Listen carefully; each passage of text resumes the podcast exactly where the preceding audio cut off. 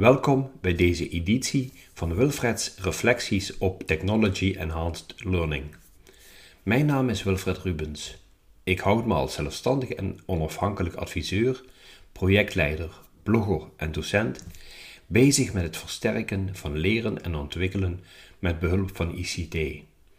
Deze podcast gebruik ik om hardop te mijmeren over zaken met betrekking tot het gebruik van ICT voor leren, opleiden en onderwijs.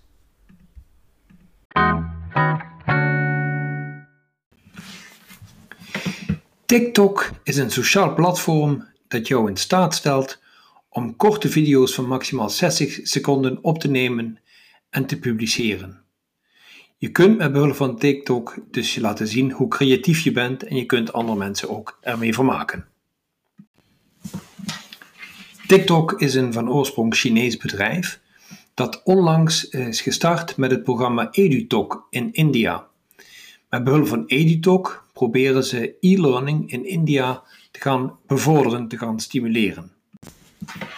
TikTok werkt daarmee daarbij samen met een aantal bedrijven, maar TikTok doet ook een beroep uh, op de grote uh, groep gebruikers in India om zelf uh, educatieve content door middel van video, door middel van korte video's te maken.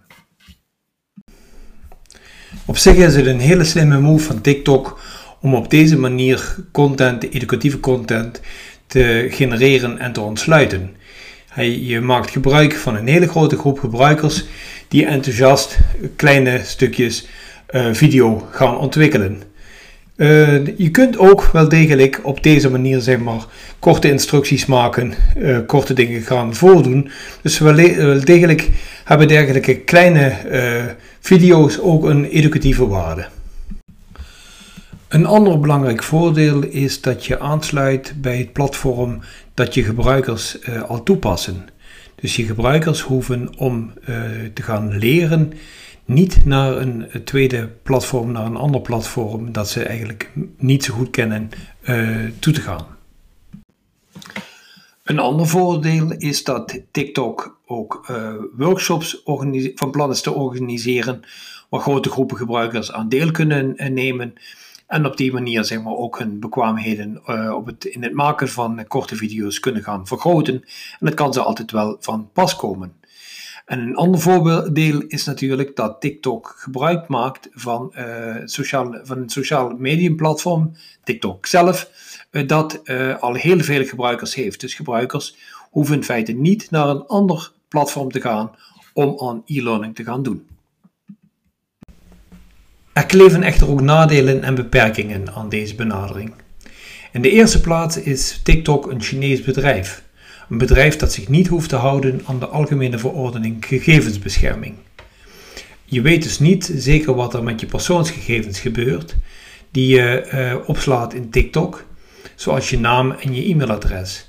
En je weet ook niet zeker wat er gebeurt met de video's die je daar maakt en uh, deelt met anderen worden die niet voor andere doeleinden ook gebruikt. Je hebt daar geen zekerheid eh, voor, van.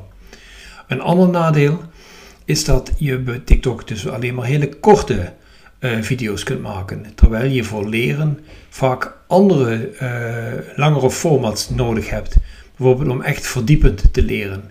Dus wat dat betreft is dat ook een nadeel van het gebruik van TikTok. En je hebt uiteraard ook niet de mogelijkheid om andere leeractiviteiten uh, bij TikTok kwijt te kunnen dan alleen maar, zeg maar korte video's. Uh, dus je zult altijd ook aanvullende didactische activiteiten uh, eraan toe moeten voegen om er echt een krachtige leeromgeving van te maken.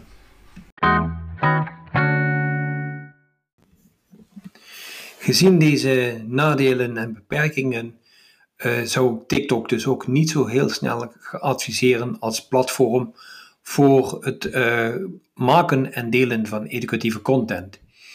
Uh, TikTok heeft natuurlijk ook voor India als eerst gekozen vanwege de enorme grote groep mogelijke gebruikers van deze content.